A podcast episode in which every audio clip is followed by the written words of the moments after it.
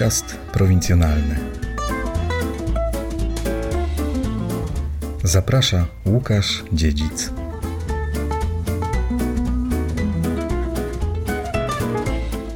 Dzień dobry, witaj w drugim odcinku podcastu prowincjonalnego. Jeśli to Twój pierwszy kontakt z moim podcastem, gorąco zachęcam do wysłuchania pierwszego odcinka. Znajdziesz go na stronie podcastprowincjonalny.pl, w podcastach Apple, Google, na Spotify oraz na podcastowym kanale na YouTube. Linki znajdziesz w opisie odcinka. Przy okazji bardzo dziękuję za wszystkie serdeczności, których doświadczyłem po emisji pierwszego odcinka. Jeśli podoba Ci się podcast prowincjonalny, możesz w łatwy sposób przyczynić się do jego rozwoju za pośrednictwem serwisu patronite.pl. Będzie mi bardzo miło, jeśli nawet symbolicznie wesprzesz mój pomysł na pokazywanie otaczającego nas świata. Pierwszym patronem podcastu został Instytut Nauki Lektikon. Świetna, warta polecenia szkoleniowa drużyna. Dziękuję bardzo za wsparcie. W moim nagraniowym archiwum znalazłem kilka opowieści o dworach i dworkach. Z mikrofonem odwiedziłem dwór w Graboszycach, po którym oprowadzała mnie pani Maria Madej. Odwiedziłem też dworek Emila Zegadłowicza w podwadowickim Gorzeniu. Moim przewodnikiem była wnuczka Emila Zegadłowicza, pani Ewa Wegenke. Pamiętam to nagranie, pamiętam ten dzień, pamiętam, że w samochodzie cierpliwie czekała na koniec nagrania y, mama pani Ewy, czyli córka pisarza, Atessa. Odwiedziłem też pałac w Osieku, któremu poświęcony jest ten odcinek podcastu prowincjonalnego. Sytuacja tych dworków w ciągu 20 lat, które upłynęły od mojej wizyty, bardzo się zmieniła.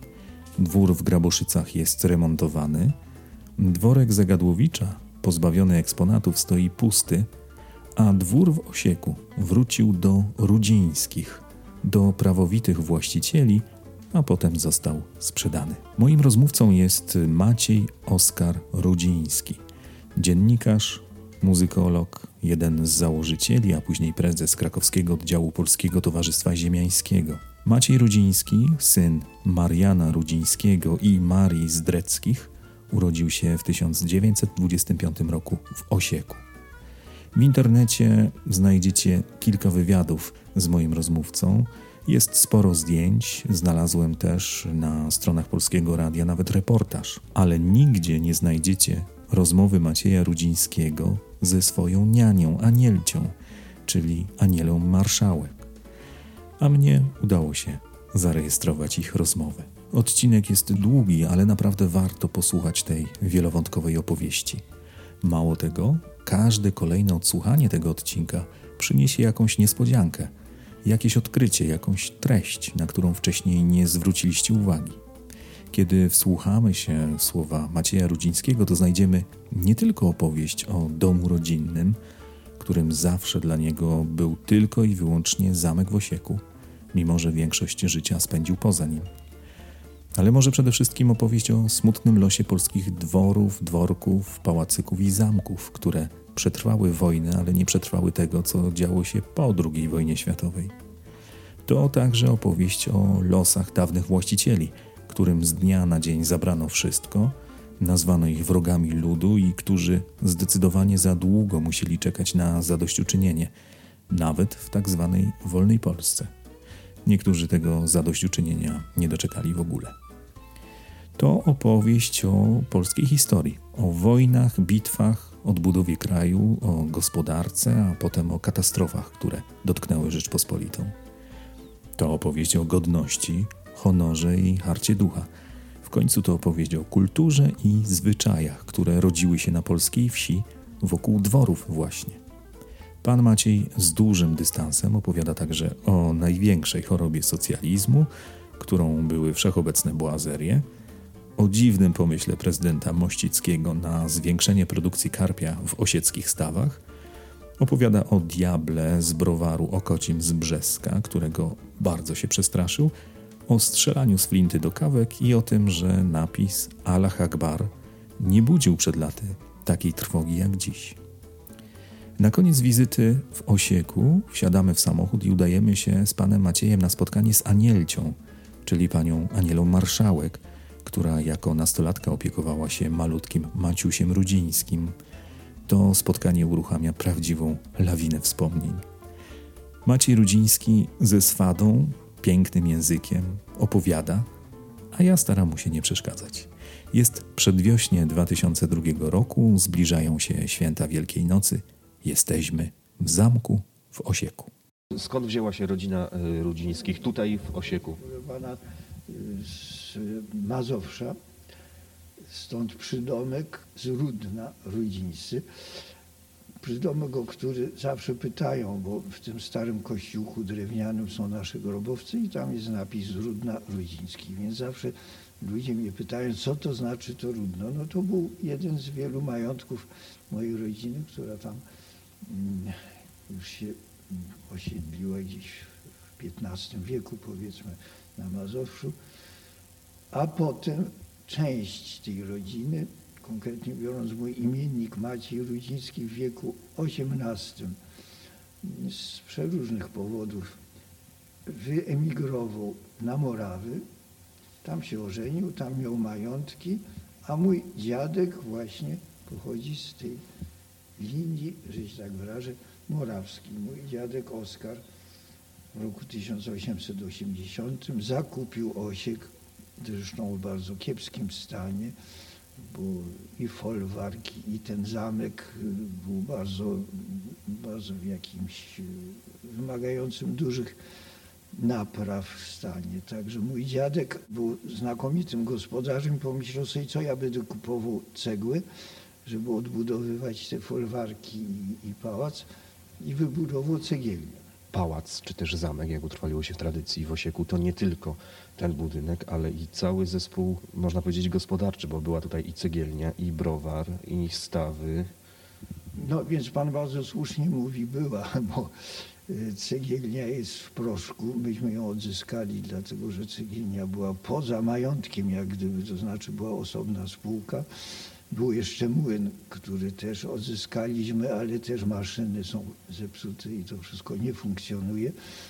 Był tartak, także to był wysoko bardzo mm, postawiony przez mojego dziadka, znakomitego gospodarza, majątek, bardzo wysoko uprzemysłowiony, zatrudniający kilkaset osób. Niestety dzisiaj wygląda zupełnie inaczej.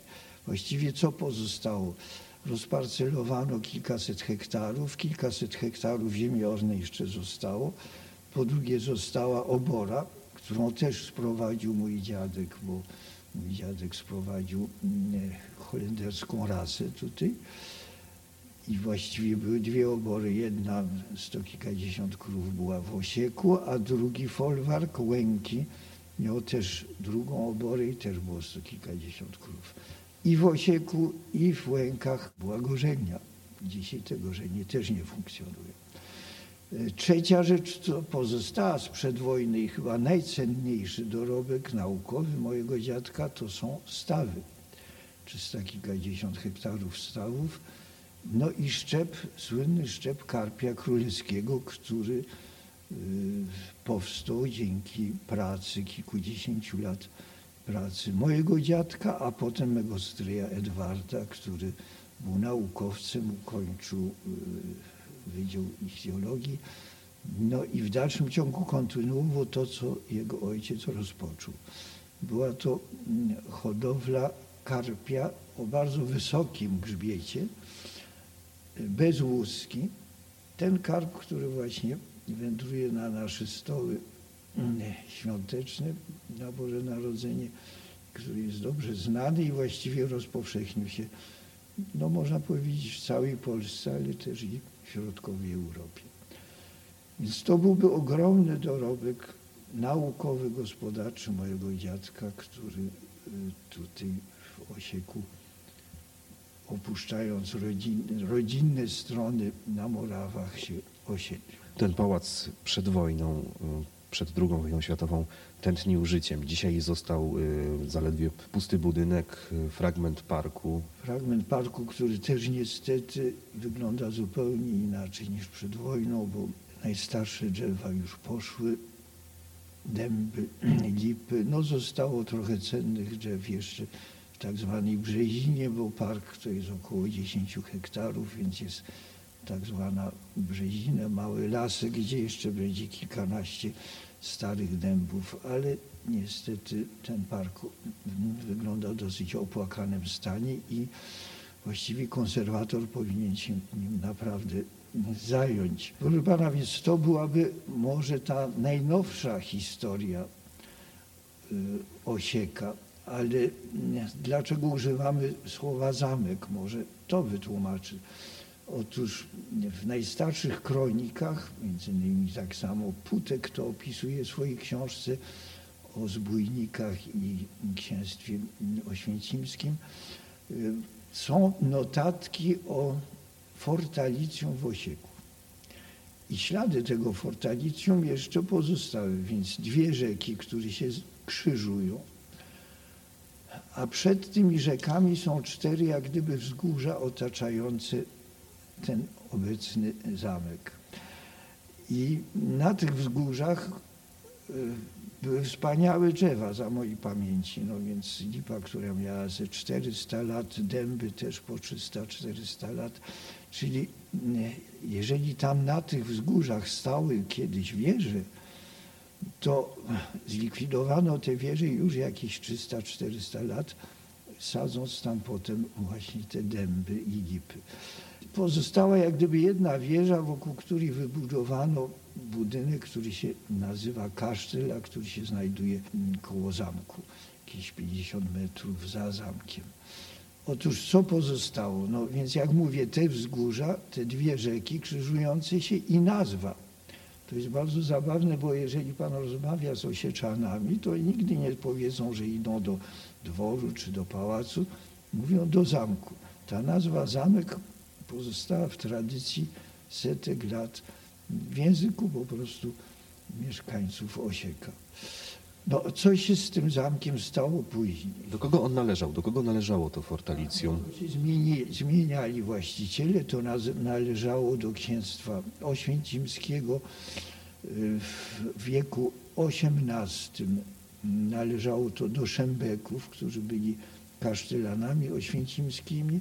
To była taka rodzina mieszczańska krakowska, Szembeków, która później uzyskała szlachectwo, nobilitację, no i zakupiła spore ilości majątków, między innymi właśnie należał Osiek. I panna Szembek wyszła za Braneckiego. Podkreślam, Branecki, tak jak to Wyspiański pisał e, w weselu.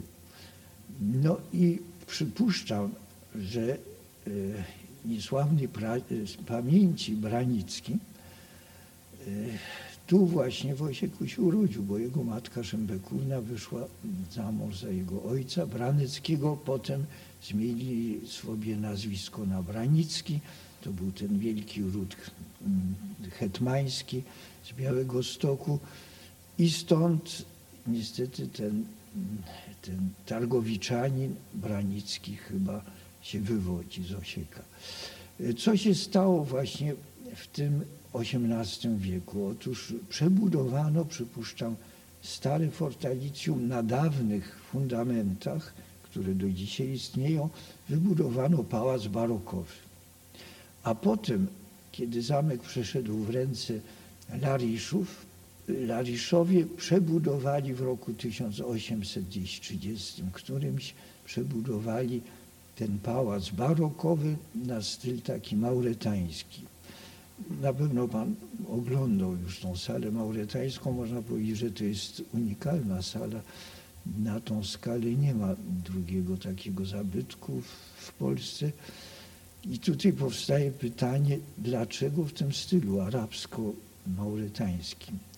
Ten właściciel bardzo dużo podróżował. Między innymi wybudował w Bulowicach pałac w stylu mm, zupełnie innym, tudorskim, angielskim, więc tam podpatrzył, e, podpatrzył styl angielski. Zresztą ożenił się, o ile wiem, z Angielką. Mm, e, natomiast tu w Osieku wybudował w stylu mauretańskim. Dlaczego? No bo to był, była epoka romantyzmu, benioski. W ogóle wschód był bardzo popularny i w tym stylu wybudował.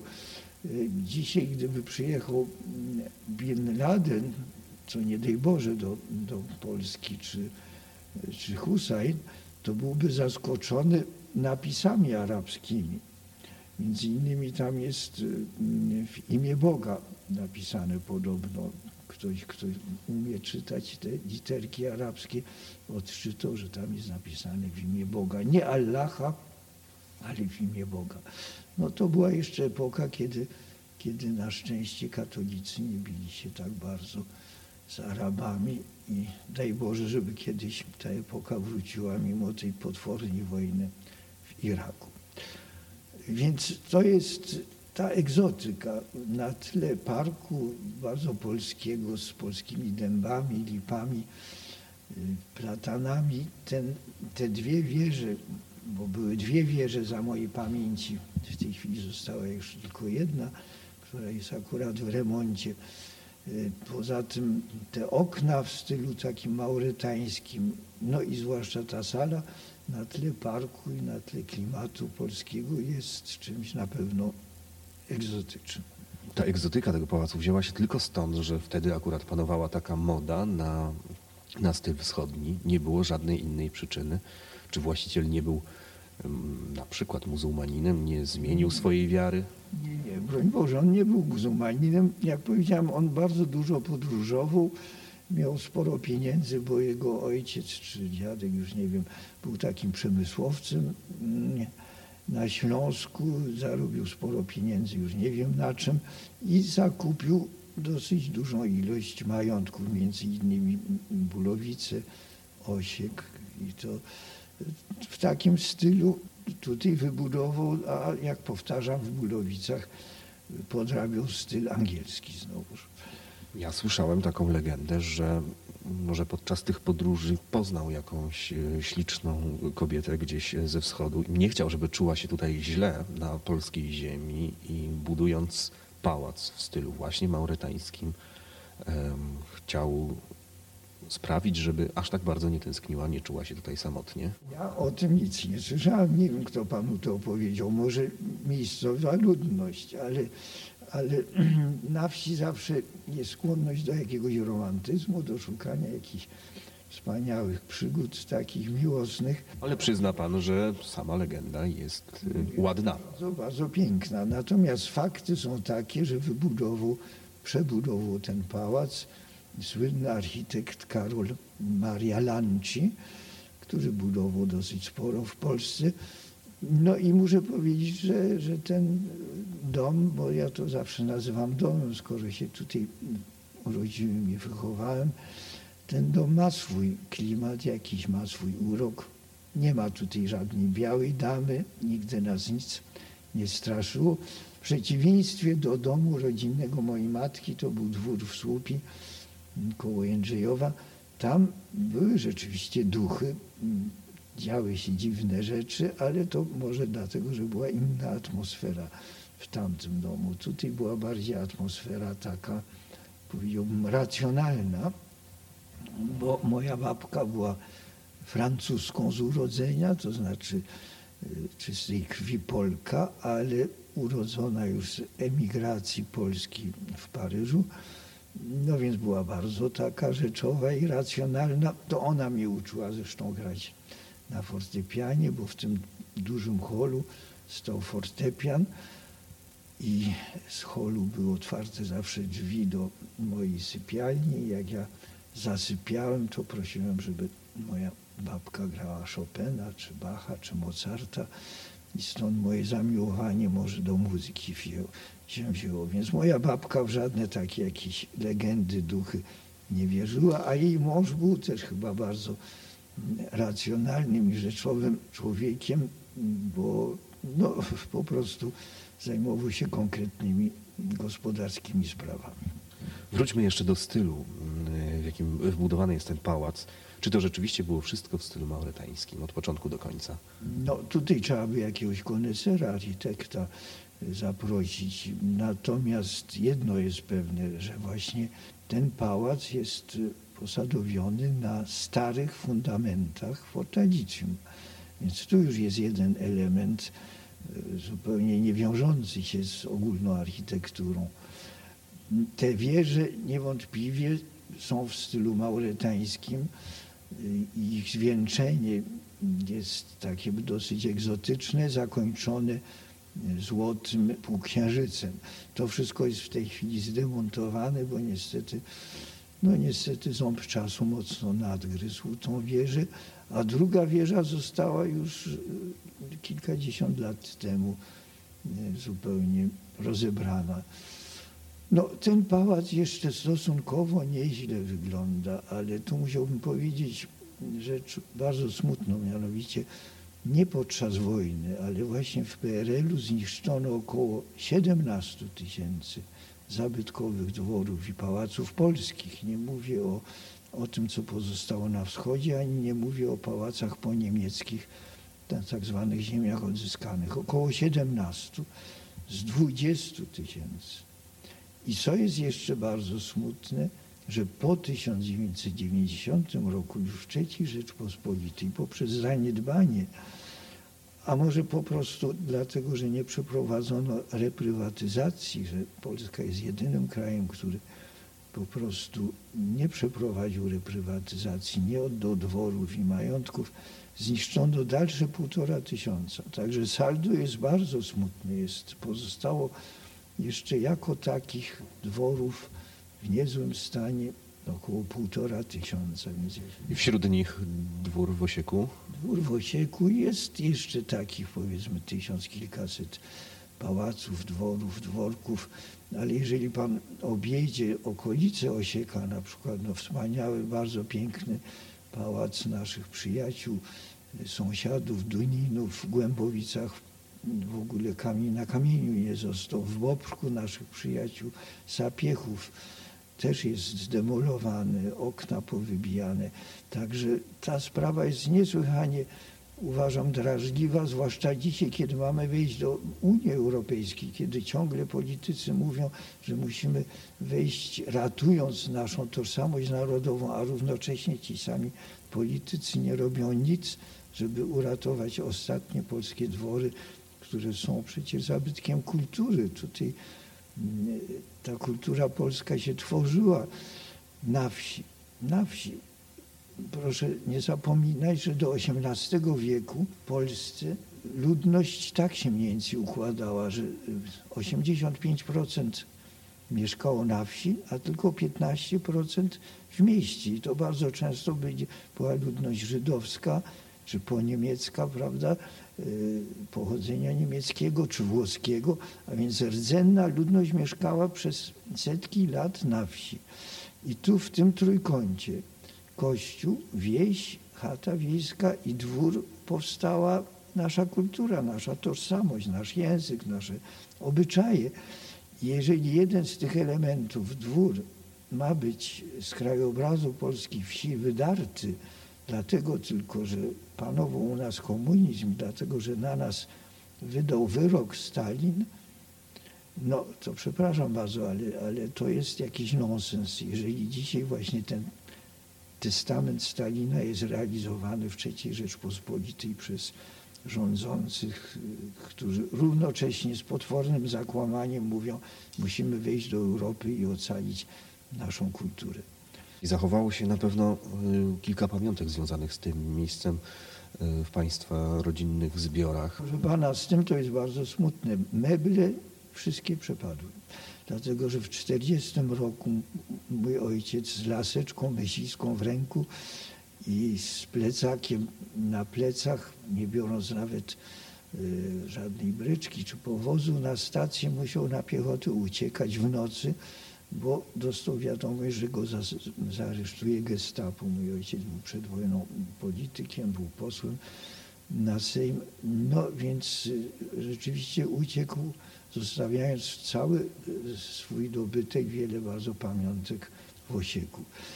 Po wojnie, którą myśmy spędzili w majątku rodzinnym matki w Słupi, też stamtąd nic nie mogliśmy zabrać, bo znowu z kolei przyszli Rosjanie, no i, i, i reformatorzy e, gospodarczy i, i, społeczni polscy, no po prostu nas z dnia na dzień wypędzili. Nie wiem, czy pan wie, że do dzisiaj istnieje takie zarządzenie, mm, zupełnie mm, bestialskie zarządzenie, że nie wolno było się zbliżać na 30 kilometrów do miejsca urodzenia. Ziemianin był jakimś wrogiem klasowym, wyklętym, nie wolno się było zbliżać nam. Więc myśmy z tych pamiątek bardzo niewiele ocalili. Może jakieś zdjęcia, trochę jakieś tam porcelany, jakieś resztki srebra, ale meble wszystkie przepadły. W każdym zamku była biblioteka. Tutaj zapewne też była biblioteka. Co stało się ze zbiorami? Bibliotekę miała bardzo dużą, między innymi francuskie książki, moja babka i to wszystko przepadło. To zostało y, y, w rękach niemieckich. Tutaj bodajże przez pewien czas gestapo zarządzało tym zamkiem. Majątek był y, prowadzony przez Niemców, także biblioteka przepadła. Cudem dzięki naszemu staremu mm, Józefowi, to był taki przyjaciel naszej rodziny, a równocześnie tak zwany kamerdyner. W ogóle stosunek do służby wtedy był bardzo jakiś serdeczny, taki patriarchalny. Więc ten poczciwy Józef, który tutaj pozostał, zamurował trochę obrazów w piwnicach, w wielkich piwnicach, zamurował to i to ocalało. I później dzięki temu wystawialiśmy właśnie między innymi pamiątkowe obrazy Fałata na wystawie, y, wystawie w Bielsku. Potem ta wystawa została przeniesiona do Krakowa pod hasłem Fałat i jego powiązania z Osiekiem i z rodziną Rudzińskim. Fałat był tutaj częstym gościem, podobnie jak wielu innych y, sławnych ludzi. No tak, więc z Fałatem to się wiąże mnóstwo przeróżnych opowiadań. Mój ojciec był jego przyjacielem, bardzo młodym przyjacielem. Y, jest jeszcze taki obraz, piękna brzoza, która przechylona jest ponad Osieczanką, ponad rzeką Osieczanka i pod tym obrazem dedykacja mojemu przyjacielowi Marianowi Rudzińskiemu, Julian Fałat. Otóż ten przyjaciel miał wtedy lat 10 czy 12.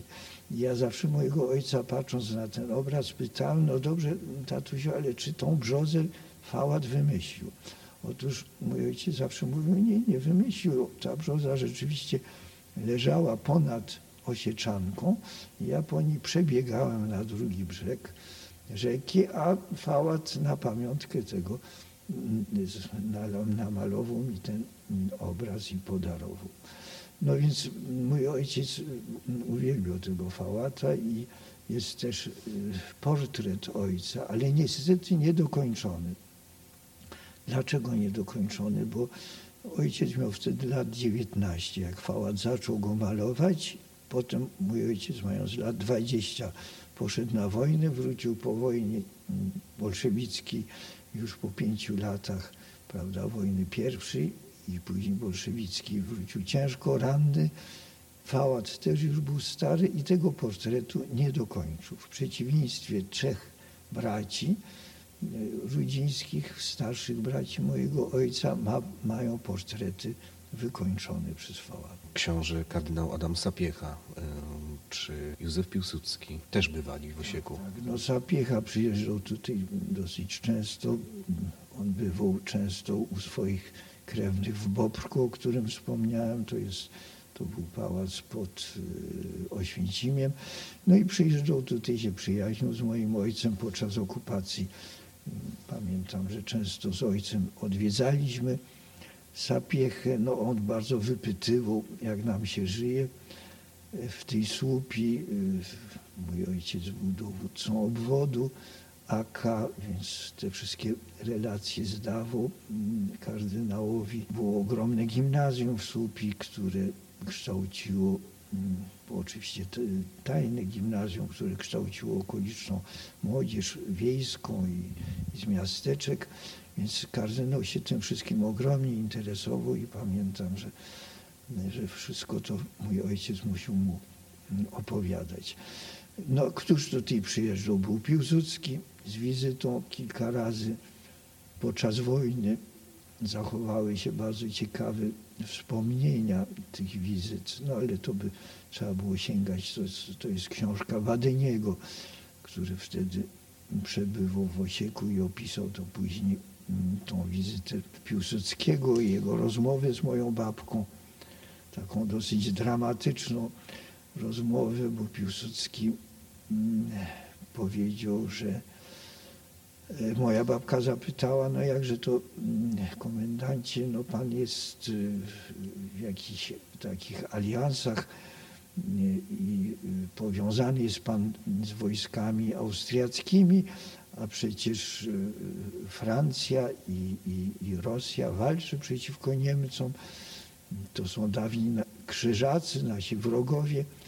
No więc Piłsudski odpowiedział wtedy mm, bardzo, bardzo tak y, mądrze, że póki co ja jestem związany z Austrią, natomiast jak, jak już Rosja, nasz główny wróg zostanie pokonana, to wtedy się wyłączy mm, z tych działań.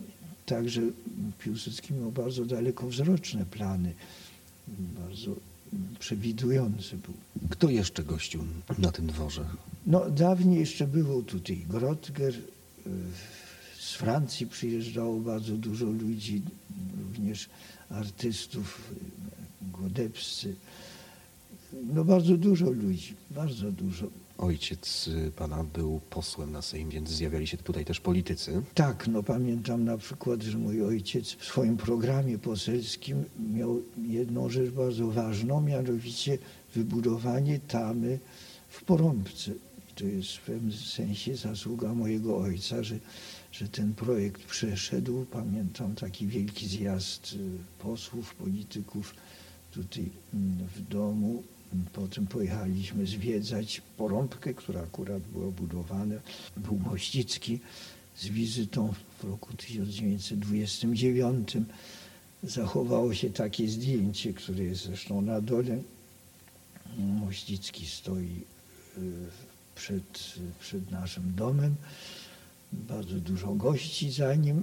No a przed Mościckim gromadka dzieci, to znaczy moje siostry trzy, moi trzej kuzynowie, synowie stryja Edwarda, no i między innymi jestem ja, trzymający palec w buzi. Takie się utrwaliło zdjęcie, miałem wtedy cztery lata. Muszę powiedzieć szczerze, że ja nie pamiętam Mościckiego sam. No, zwracałem uwagę przede wszystkim na jego samochód i doskonale zapamiętałem szofera. Był to wielki człowiek taki w białym płaszczu i y, ja cały czas wsiadałem do tego auta otwartego, a on mnie przeganiał, więc to mi pozostało w pamięci. Natomiast y, Mościckiego samego nie pamiętam. Owszem, potem odwiedziłem go, jak miałem lat już 10 czy 11, odwiedziłem go na Zamku Królewskim w Warszawie i pamiętam, że on właśnie bardzo dokładnie pamiętał Osiek i wspominał gospodarstwo rybne, wypytywał, jak tam mm, w dalszym ciągu mój stry Edward gospodaruje na tych stawach. Nawet doradzał rzecz bardzo śmieszną, bo uważał, że trzeba stawy podgrzewać, że wtedy będą szybciej rosły ryby. No więc to było takie, taka idea naukowca może, ale zupełnie oderwana od życia, bo jak podgrzewać stawy.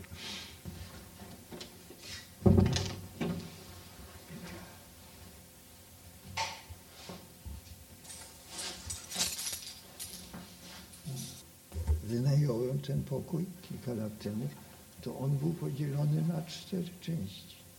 Tu by zrobili cztery pokoje z tego, klitki takie. No kazałem zwalić te mury i, i, i, i zro- zrobił się taki pokój, no więc ja go ceniłem na szkole. To jest pokój moich sióstr, przedzielony na pół. Tam za tą ścianą jest druga część tego pokoju. No więc wybudowali ścianę i tam, tam dalej był pokój mój, w amfiladzie dalszy pokój moich rodziców. Y, I, I też widzi pan, no pociachali wszystko, bo tutaj zrobili osobne mieszkanko, tam zrobili mieszkanko w, w pokoju moim, moim w, po, w, w pokojach moich rodziców zrobili też mieszkanko. No i tak.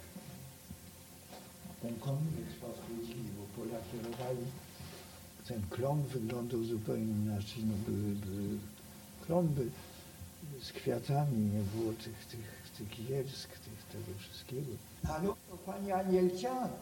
A tu Maciej Rudziński, dzień dobry. Tak, tak, jestem w Osieku, pani Anielciu.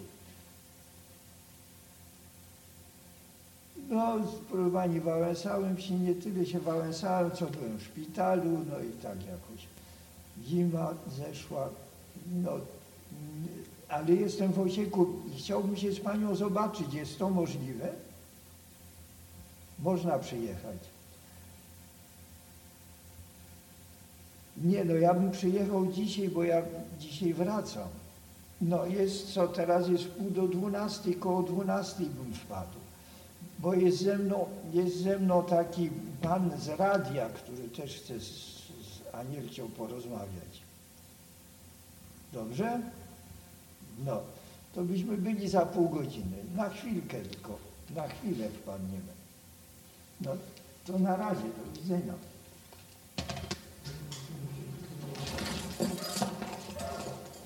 No, dzień dobry. panu. Dzień dobry. Robimy jakiś odłów w tym roku? Chyba nie, co? Chyba nie, bo by to za małe tam było. Trzeba jeden rok przetrzymać. Proszę pana, ale co, ale pan będzie chciał, żeby spuścić Nie. wydymacz, nie? Nie. A nie. To już przetrzymajmy go, niech tam urośnie, a ja na Andrzeju dam handlówkę i nie potrzebuję. Dobrze. Fajne. Ile lat spędził pan w tym zamku? 15 lat miałem, ale ja stale tu mieszkałem, bo nie, nie chodziłem do szkoły, tylko tutaj miałem preceptora i tu, tu mieszkałem. I pan tu, to wzgórze. Na tym wzgórzu stała ogromna lipa i jak na tej lipie siadały kawki czy wrony, to ja sobie z tego okna strzelałem. Ja Flobert, ja byłem zwariowany na punkcie polowania i dalej zresztą poluję, mimo swojego wieku. No to strasznie wygląda, ale widzi pan, to jest jedyny sposób ogrzania w tej chwili. Przed wojną tutaj stał ogromny piec jeden, tam stał drugi piec, no i paliło się węglem, prawda? Natomiast część ta dalsza, bo stąd się przechodziło do pokoi mojej babki, też były drzwi zamurowane. Tutaj jest ślad jakby No. po drzwiach. Tak. Więc tam, są, tam jest jeszcze kilka pokoi, gdzie też znowu ten, który prowadzi stawy, mieszka teraz. Więc tamta część była ogrzewana kaloryferami, a moi rodzice nie chcieli kaloryferów, że, że niezdrowe i, i były piece Piece kaflowe. kaflowe. Tak. No a tutaj ogrzewamy teraz kominkiem, który zresztą bardzo dobrze się spisuje, bo tą dziurą leci ciepłe powietrze tam, a tutaj jak się zapali ten kominek, to jest taki francuski kominek, który, wie pan, widział pan jak... Tych ścian tutaj nie było. Nie, nie było nic. Bu- Bo budowali, nie wiem, dwa czy trzy pokoje. I tam jest pięć czy sześć okien wychodzących na tył parku, czyli na tą tak zwaną brzezinę.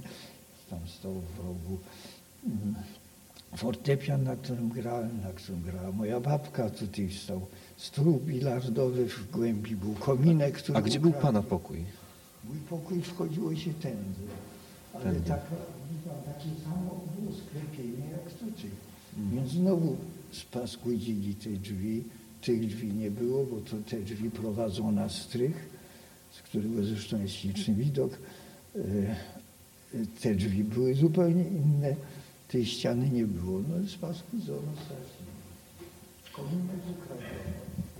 Był piękny stary kominek, y, taki marmur zielony z naszymi herbami. To był jeszcze przywieziony przez mojego dziadka z jego rodzinnego dworu na Morawach. Ktoś go ukradł, nie ma. I schody. Które wejście było głównym wejściem? Czy to od strony parku? To od strony parku, tak? Naturalnie. A to było wejście kuchenne, to była sień. Tutaj nie było w ogóle nic widać, bo było zagrodzone jakąś, jakąś makatą taką. Tutaj był, była kanapa, tych schodów nie było. Rzecz jasna nie było, tu było zamknięte i tu była kanapa, także moja babka jak schodziła na dół na, na obiad, To po drodze siadała na kanapie. Siadała na kanapie. No zresztą moja babka umarła w 1934 roku, także już później mieszkaliśmy tu sami z rodzicami. No to jest miejsce, które świetnie pamiętam, bo pan pyta, czy, czy zachowałem wiele wspomnień. No na przykład tutaj spotkałem się w tym miejscu z diabłem, autentycznym diabłem. No i okropnie się przestraszyłem wtedy. Ale dopiero po latach się dowiedziałem, kto to był tym diabłem. Więc tym diabłem był nasz bardzo miły sąsiad, który zawsze tu przyjeżdżał na polowania. Tonio Goetz, właściciel Okocimia, browaru Okocim i tego majątku Okocim. Jak się to stało? No on przyjechał z drugim naszym przyjacielem, sąsiadem, przyjechał, tamten sąsiad był y, świętym Mikołajem, a on był diabłem. I przyszli na górę z prezentami, później wyszli. Cała moja rodzina zeszła na dół do jadalnego pokoju, a ja oglądałem te, te, te prezenty widocznie. Coś się opóźniłem i nagle zbiegając szybko po tych schodach, stanąłem jak murowany tutaj, bo tu stał diabeł. On się widocznie gdzieś też zapóźnił. On był przerażony, patrzył na mnie, ja byłem przerażony. No i później biegłem do jadalnego pokoju i nie mogłem słowa wydusić. Może teraz pokażę panu te zdjęcia, bo to jest... Bardzo proszę. Pan jeszcze nie zobaczył. Tu jest też lekki bałagan. To salon numer jeden. Znowu spaskudzone, bo tej ściany nie było. To był taki sam pokój tu, jak ten na, Krzy- na górze, w której byliśmy. No, identyczny y, pokój. No. Tutaj gromadzi pan pamiątki związane z, z rodziną i z Osiekiem. To są właśnie te zdjęcia przywiezione z tej wystawy fałatowskiej. Więc tu ma pan zdjęcie przed wojną, jak wyglądał nasz dom. Były jeszcze dwie wieże, prawda? Tutaj ma pan zdjęcie takich smoków, które były przed wojną. Kamienne, wielkie smoki przed domem. I od tych smoków szła balustrada na schody. Smoków nie ma, kto się ukradł. Wieży nie ma, bo ją zburzono. Teraz proszę popatrzeć, jak wyglądały te okna w tej dużej maurytańskiej sali. One były dużo, dużo niższe, schodziły niżej. A tutaj są w tej chwili zamurowane.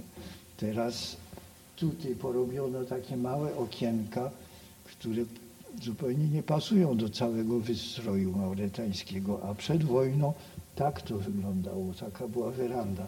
Więc naumyślnie zestawiłem przedwojenny wygląd z obecnym wyglądem. No tutaj, tutaj jest kącik, że się tak wyrażę, fałatowski. Tutaj ma pan zdjęcie fałata e, z, z jego synem, Togo Fałat, którego pamiętam jeszcze. No i mój ojciec, mój ojciec w mundurze halerowskim, bo mój ojciec po ukończeniu wojny, I wojny światowej zapisał się do Halera, był jego adiutantem, brał udział w powstaniu śląskim, a potem był ciężko ranny jako dowódca batalionu w wojnie bolszewickiej. Tutaj jest Haller.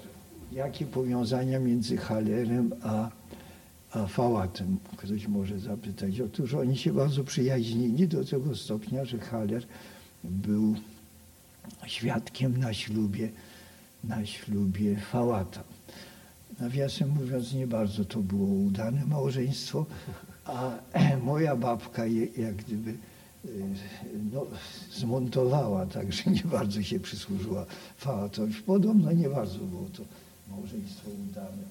No, tutaj ma pan bardzo ciekawe zdjęcie, bo Fałat w Bystrej, on tam kupił sobie domek, tam dzisiaj jest Muzeum Fałatowskie, Zresztą kupił dzięki protekcji mojego, mojego dziadka.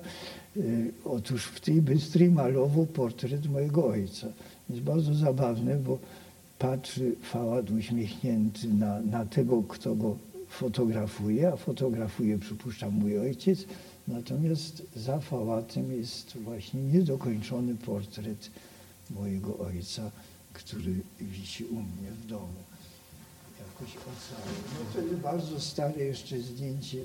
Tutaj mamy właśnie te lwy. Mam jeszcze balustradę kamienną. To jest mój dziadek, jeszcze bardzo młody.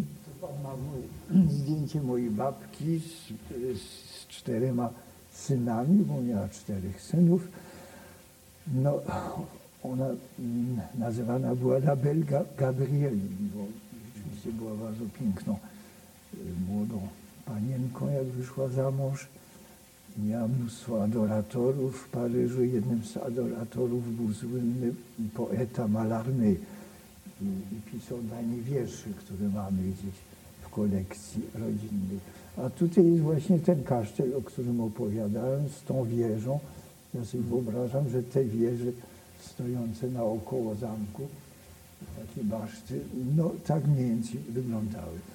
Tutaj ma pan zdjęcie znowuż sali mauretańskiej, jeszcze z tym świecznikiem ładnym, dużym, którego w tej chwili nie ma, dlatego że kilka lat temu włamali się, wleźli do środka, wymontowali ten świecznik, nie umieli go wywieźć, więc go wywalili przez okno i jest cały połamany. A tutaj jest dwór w Łękach, Dwór w Głękach. Folwark Głęcki należał też do mojego dziadka. To był jeden majątek. Osie Głęki, Bielane, Włósin, kilka folwarków. No tutaj Zostały same zdjęcia. Jak pan już wspomniał, nie ma żadnych mebli, ani jednego mebla. Książki. no trochę, troszkę obrazów, trochę zdjęć, trochę właśnie listów starych. Oczywiście te drzwi inaczej wyglądały. Tutaj był taki tunel, którym się przechodziło do dużej sali jadalnej. Z salonu pierwszego, tutaj miał pan też wielkie drzwi, do salonu drugiego, też zamurowane. No, to wygląda w opłakanym stanie. Tu właśnie się rura mm, jakoś urwała, nie wiadomo co tam się stało i trzeba będzie tutaj, trzeba będzie to tu naprawić. Wszędzie były tu błazerie. To jest w ogóle choroba okresu socjalizmu.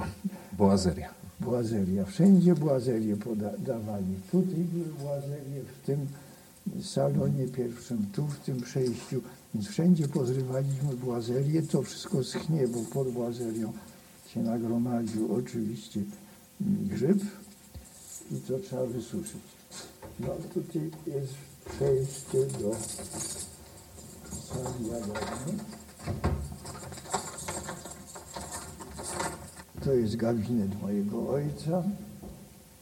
Też były błazerie i widzi pan rezultat, pełno wilgoci, grzyb, trzeba było to wszystko odbijać. No to był pokój gościnny, a to przed wojną był ten drugi salon, Też widzę ślad po drzwiach.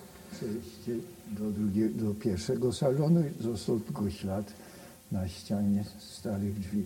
Tu w tym kącie stał bardzo piękny kominek, z którego pozostały tylko resztki. Mój zięć znalazł te resztki na strychu.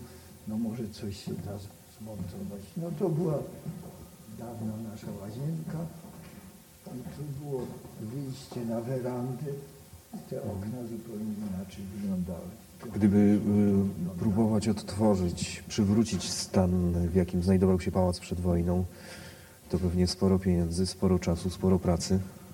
mnóstwo pracy, przede wszystkim pracy, wydaje mi się, bo tak w swoim gospodarczym jakimś systemie można by było pomalutku to remontować. Tak jak my to zresztą wynajmując dzisiaj pokoje od Agencji Własności Rolnej, robimy, My remontujemy, pozdzieraliśmy te błazerie, zatynkowaliśmy, odmalowujemy. No pomalutku jakoś coś próbujemy działać. Trzeba przyznać, że agencja też robi co może. Teraz naprawia tą wieżę zepsutą, która byłaby się zwaliła w zeszłym roku. Poza tym zrobiono nowy dach na kasztelu, także nie można powiedzieć, co mogą, to, to robią, to naprawiają. Jak się panu wydaje, jak pan czuje, czy temu miejscu uda się przywrócić jeszcze dawną świetność? Czy zobaczy pan ten pałac takim, jakim on był Ja w latach pana dzieciństwa?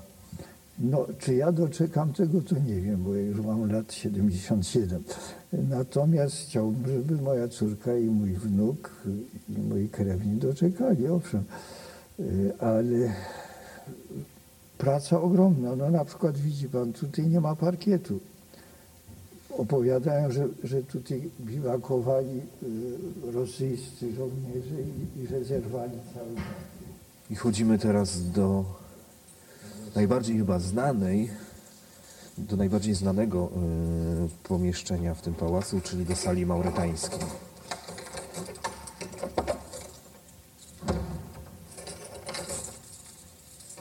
Jak pan widzi, jestem zupełnie jak Gerwazy. Kluczy, a kluczy.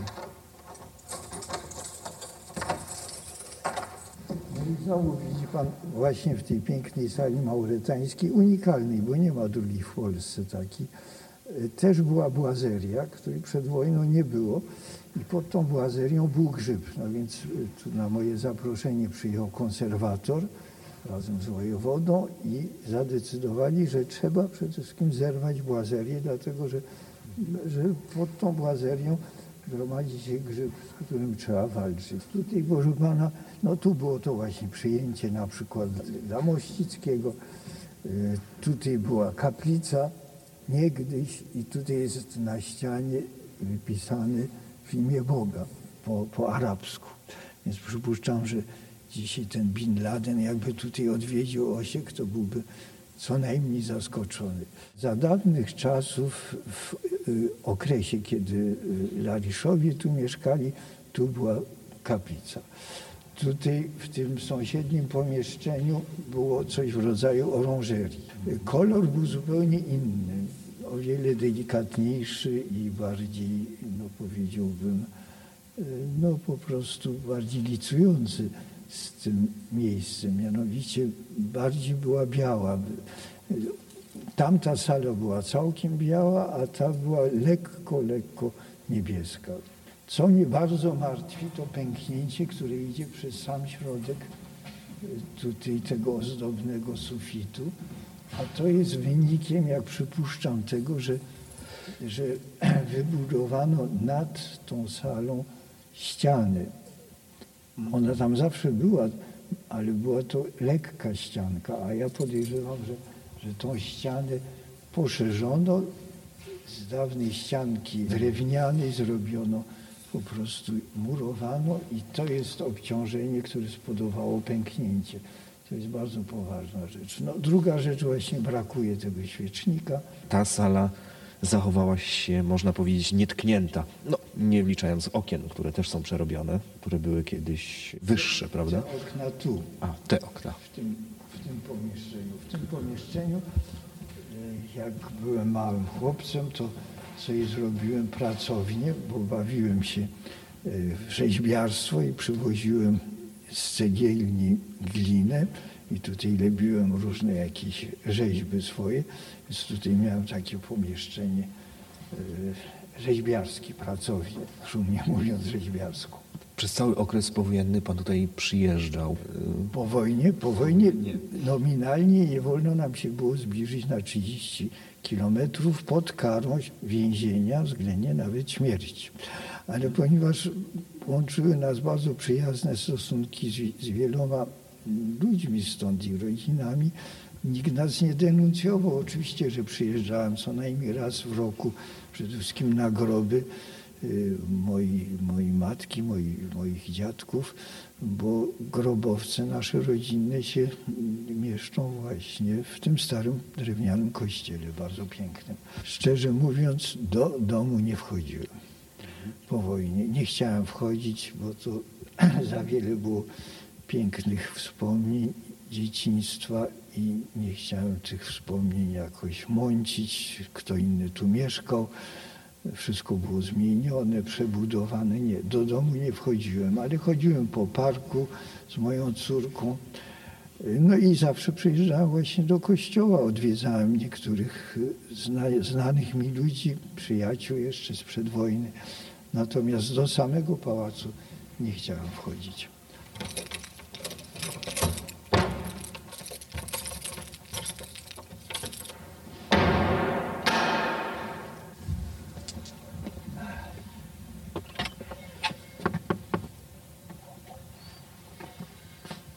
dobry. Dzień dobry jest pani Anielcia. Dzień dobry pani. Dzień dobry. Dzień dobry, dzień dobry. Nie bez prób. No, jak się czujemy? Jako tako, co? Kiepsko. To jest pan, pan dziedzic z radia. Nie. No i przyjechał, Proszę robi reportaż, będzie coś tam mówił w radiu o, o, o domu, o tym, gdzie to mogę. Można O, tutaj... możecie położyć tu na tym. O, tutaj. No, jak zdrowie. Siedzi No. pani w osieku teraz, No w Osieku, bo nigdzie nie zojdę. ale u córki pani była była na święta. na święta. I Jak jak, y, Boże Narodzenie, ostatni raz była tam w kościele, potem po Bożym Narodzeniu my przyjechali tu. I już nie była ani w kościele, ani nigdzie, ani krok, ani w sklepie, ani... Pani była e, nianią pana Macieja, prawda? Tak. Jak pani wspomina te czasy? Ojej, lepszych by nie, nie chciała mieć, jak tam miała. To byli ludzie bardzo uczciwi, mądrzy i bardzo byli szlachetni. Ale widzę różnicę pani Anielciu, bo jak byłem tutaj latem, to pani dosyć dobrze chodziła, co? No, no, mi się Dokucza ta noga. trzy razy się już tego roku przewróciła. Panie Macieju, no tu i w pokoju, tu, tu się najbardziej ostatni raz przewróciła. Ile to ja miałem lat? Sześć lat miał pan, jak ją tam zaszła.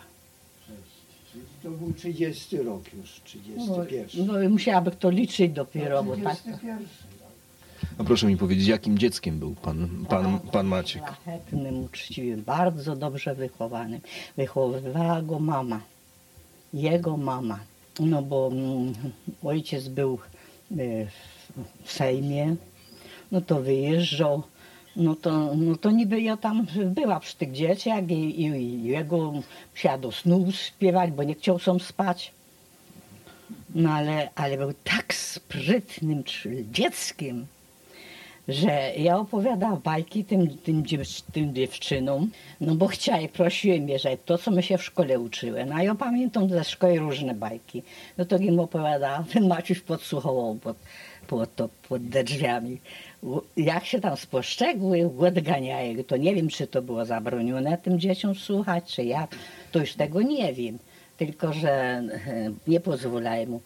No, ale e, z pokoju, bo wygoniły, pod, pod drzwiami podsłuchiwał. Dzisiaj to mam wnuka, który cały czas albo telewizja, albo komputer z domu. Także już nie bajki, a komputery. Dzień dobry, dzień dobry pani. Dla mnie to był, no mówię jak mówię, że ja byłam tak jak, no jak nigdzie. Niby na służbie była, bo na służbie, no ale tam się tam, to byli szlachetcy ludzie, oni się tam ani nie kłócili, ani, ani nic złego nie powiedzieli nam, tylko nos tak mieli jak swoich. No a Maciuś to był nadzwyczajnym dzieckiem. Jak ja zaszła, to ja tam poszła do y, kucharzu. Jeden rok była przy kucharzu. No bo ta od, od kucharza, co ta była, pracowała tam, ona się wyszła za mąż, no to mnie tam namówi. To było w kwietniu. Oni nie wiem, jakieś to tam mieli u tego, bo już była wolno od, od nowego roku, bo ja u zakonic służyła. A, a, a ta zakonnica z, z, z, z babcią mać, pana Macieja to kontaktowała się tam, no i tam mnie tam mnie wtegowała. No ale ten rok jak tam przebyła, bo nie mieli później, To pani była młodziutka wtedy. Ile lat pani miała? no 15-16 rok mi szedł, no, 16 rok. A później jak jak poszła na górę, to miała szes- 16 rok, no już 16 mi dochodził, bo poszła e, w kwietniu tam zmieniali, no a ja, a ja w kwietniu mijają mi lata. No i no to, no to, że pan Maciej miał 6 lat, a ja miała 16. 10 lat No i- różnicy. I taki, taki był kawaler, jak przyszedł, jak przyszli tu do Osieka, to mówi tym swoim dzieciom, mówi tak, tak, to no tym, tej córce i temu zięciowi, mówi tak, to była moja pierwsza miłość. A ja aż mi, aż mi włosy na- głowie stanęły. Ja mówię, o ty malutki Maciusiu. No bo cóż jak miała powiedzieć, no. Przecież to było dzieciątko. dzieciątko. Anicia opowiadała, że jak nie chciałem spać, to ona przychodziła do mnie, do łóżka i nawet się bodajże kładła pani przy mnie, No, no, żebym no. zasnął. No Bo to ja mówię, no to, z rodzicami no spać. to była pierwsza dziewczyna, z którą spałem. No, no to ja tak, a ja, one, te dziewczyny nie pozwalają tych bajek słuchać, to ja mu opowiadała, jak poszła y, ku niemu spać. Momentalnie się uspiewał, tulił się tak do mnie, przy, przyciskał się, tulił się. Ja, ja mu mówiła, mówię, że o, ty malutki Maciu, że się sam tulił do mnie. No bo jak dziecko, nie? No, a ona go się dało lubić, był bardzo ładnym chłop, chłopczykiem, bardzo takim, wy, wy, matka go tak wy, wy, wyprowadziła na takiego człowieka, na takie dziecko dobre. No i uczyła go i pacierza, i, i na głos roz, odmawiali. I to na mnie mówiła tak, że no, no prosiła, żeby iść ku niemu, bo ona jakoś tam już nie domagała, czy coś tam, nie wiem, coś, na coś chorowała, na, a, a ojciec był w tym, no, w- już w Warszawie. No w ten czas nie było ani aut, ani, ani, ani, ani, ani samolotów, ani nic tak dużo, no to nie przyjeżdżał. Raz w tygodniu jak przyjechał, to więcej nie przyjeżdżał. Jak ten zamek wyglądał przed wojną? Różni się, różni się od tego dzisiejszego? No jejku, ja jak weszła do tego zamku, to aż mi, aż mi się zimno zrobiło. Przecież to wszystko zniszczone. Kompletnie wszystko. Nie, pan widział, wie nie? Wie pan, no to przecież jejku. To było przecież wszystko wyporządzone elegancko i wszystkie pokoje były zajęte, by, byli dwóch nauczycieli, było to mieli po jednym pokoju, nauczyciel był i nauczycielka, co uczyli te dzieci w domu. No teraz babcia tam była też, też miała kawałek tego tych pokoi, że ani nie wiem tam ile. No oni też mieli każdy swoje, my też tam miały każdy pokój, każdy pokój. No, były dwie łazienki, były. Jak była jedna zajęta, to się szło do drugiej, tam nie zabraniali, żeby tam służąco szła do jej łazienki. Jak było zajęte, to, to, to, to my tam szły i Trzy łazienki, jedna na dole była no, a na dole, na, na, na górze dwie. no, na górze były tam e, dwie, a ja nie wiem, czy nie było też łazienki u, u tej babci. No była, była. Była tam, no, to już tam, A sala mauretańska? tam dużo się nie chodziło do, do niej, no bo to tam, No tak, wielkich jakichś no, przyjęcia. jak tam przyjeżdżali, to tam, oj, to tam, oj, no, do tego to oglądali. No, ale to było eleganckie, bo to nie było ani zniszczone, ani nic, ani... Pamięta pani gości, którzy przyjeżdżali do państwa rudzińskich? No, no przyjeżdżali, no przyjeżdżali tam do, do, tego, do tej sali, tam przyjeżdżali, no ale tam jak służąco to się tam nie wtrącała do tego. Ale tak to tak zawsze, na Boże Narodzenie, na Wielkanoc to przyjeżdżali księdzo, księżona obiady, tu z Osieka, Donik. No to wiem, że, że my mieli takie święta zawsze robocze trochę, bo, bo, No, dużo roboty. no, bo było dużo roboty, no. Ale jak przyszła Wielkanoc, to pamiętam przed domem dużo, dużo było y, kobiet z koszykami, przychodziły, klękały i przyjeżdżał proboszcz. No. Najpierw święcił właśnie święcił, te wszystkie to- koszyki, a No potem tak przychodził do nas No i do dziś do nie- jadalni. O, no, gości było bardzo dużo. Przede wszystkim tak, polowania były urządzane dwa razy w roku. No, Więcej razy nie wolno było polować, bo zwierzynę się bardzo szanowało, hodowało i dokarmiało, a tylko dwa razy było polowanie. Raz na kaczki w zimie, no to zjeżdżali się sąsiedzi, kilkanaście Ale osób. Wie pan, ja tam się tym polowaniem dużo nie, nie, to, nie zajmowała, bo ja nie lubiała, nigdy nie lubiałam tych, y, y, no jak się one nazywają, co, te kaczki, te, te, te jak, on, jak one to nazywa? Bażanty, kaczki, No, ale jak, w, w ogóle jak się nazywa, jak to mięso jest? dziczyzna. Dziczyzna, nie lubiłam dziczyzny. Jeść. Nie. No tak, ale, ale przede wszystkim no, takie polowanie to było zebranie troszkę towarzyskie. No nie jej, to chodziło oni o to, żeby dużo nastrzelać, tylko żeby przede wszystkim było ładnie poprowadzone polowanie, żeby te strzały były trudne, sportowe. było modne, No, potem była oczywiście kolacja, na którą przyjeżdżały wszystkie panie, żony tych Tak. sąsiadów. Robiło się takie małe kanapki, tak tyle, raz do gęby, zają, zajęcy, zaję, no, Pasztetu zajęcy, czy no tam czegoś, już nie wiem. zajęcy.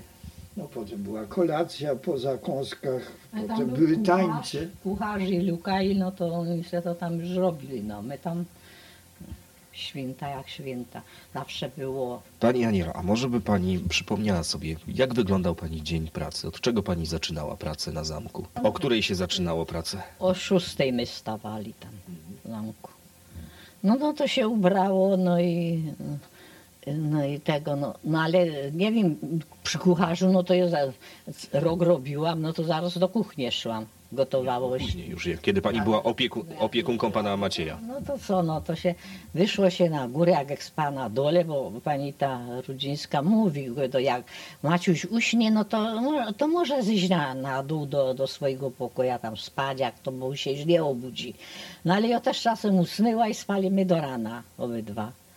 No to, no to jak rano, no to trzeba się było iść, umyć, to, no, no to zaś później, no, Maciuś wstawał, no, ale oni tam nie potrzebowali, jak te dziewczynki, to one już były, nawet Ma- Marysinka miała 14 rok, one się same tam obsługiwały, nawet pościeliły sobie nieraz łóżko, no i później do szkoły, bo szkołę tam mieli, to szli wszyscy do szkoły. No to tam czasem zostały jakieś buty jakieś nie, nie, niedoczyszczone, czy tam niezamieciony ten pokój, czy co, no to tam się podmietło, no i, no i zaś później, no, To była ciężka praca? bardzo lekko. Dla mnie to nie była praca. No Ja mówię, że tam, ja tam miała tak jak ani w raju chyba nie, nie, nie będzie tak. No bo, no bo co, no co to taka praca, jak ją robiła ciężko. Ja cię bardzo ciężko. Ale tam, no to, no to się nie było ciężkiej roboty. No a później, no to tak to, no to się zaszło do ogrodu po, po te, po jarzyny, po, po truskawki. Ogród był duży? No dość duży był ogród, duży był. Tam było już, e, nie wiem, jeden czy dwóch zdaje się było tych ogrodników, no był. A czym się zajmowały y, wtedy pani rówieśniczki, które mieszkały w Osieku? Pani miała to szczęście, że pracowała pani na zamku, a co robili pani rówieśnicy? Pracowali gdzieś? Y, Ale e, wojną. przed wojną, Młodzi ludzie w pani wieku, co robili? No wszystko to, i gdzie tylko mogli się dostać, to do pracy poszli. Każdy pracował, każdy służył, czy tam, a ci bogaci, no to już pozostali w domu u rodziców. Przecież tu były gospodarstwa duże. Tutaj był taki kramarczyk, który miał ile? s- 100 hektarów. To, to przeważnie. No, ty, masz hektar, przecież miał tych 5 hektarów, przeszło 5 hektarów pola i, i, i to. e, Mąż. No. no ale No ale ten taki był kramarczyk bodajże. Też taki gospodarz. no to, był, to był jego, e, z jego rodziny, z marszałków było. To był, on był pod lasem tam.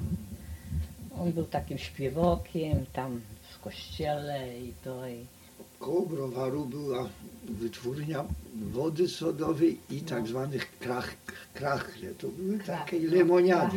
no Ale lemoniada taka z bąbelkami. Więc to No, też była specjalność Na Osieka. obiad my to dostawały w niedzielę fabryka zawsze. wódek. W tygodniu nie. Fabryka wódki była też przy Gorzelni. A kto chciał piwo, to dostał piwo. A ja piwa nie piła. Bardzo było dobre to osieckie piwo. Bardzo dobre, zwłaszcza to Ale- marcowe, ale ja- ciemne piwo ani było świetne. Do dziś nie, ani piwa się nie. Ani gorzołki, ani piwa. Tak, to Ale mi się nie chce nocować, bo pan we środę? no może będę musiał przyjechać, ale zobaczymy. No jak, jak pan przyjedzie, to ja bym chciała, żeby pan tu przyjechał. No dobrze, to za, jeżeli przyjadę w środę, to zadzwonię, a jeżeli przyjadę na święta, to Anielcia musi do nas zaglądać. Dobrze? No, do widzenia. No do widzenia. Wszystkiego Dziękuję. najlepszego, wesołych świąt. W dzisiejszych czasach nie odważyłbym się pójść na nagranie z takim katarem. Ale to był 2002 rok, wtedy było inaczej. Anielcia, czyli Aniela Marszałek, niania Macieja Rudzińskiego, zmarła 22 stycznia 2006 roku w wieku 91 lat. Warto wspomnieć, że jej pierwszy mąż, Jan Kwaśniak, był żołnierzem 18 Batalionu Strzelców, który to batalion wchodził w skład 5. Kresowej Dywizji Piechoty. Walczył i zginął w bitwie pod Monte Cassino i spoczywa na tamtejszym polskim cmentarzu wojennym. Maciej Oskar Rudziński zmarł 6 sierpnia 2017 roku w wieku 92 lat. 31 sierpnia 2017 roku pochowany został w swoim rodzinnym osieku. Za pomoc w zdobyciu kilku cennych informacji bardzo dziękuję pani Krystynie Czerny, redaktor naczelnej czasopisma Echa Osieka. W opisie odcinka na stronie podcastu znajdziecie linki prowadzące do ciekawostek związanych z Osiekiem i rodziną Rudzińskich, a także kilka fotografii z różnych źródeł. Dziękuję za wspólnie spędzony czas i do usłyszenia.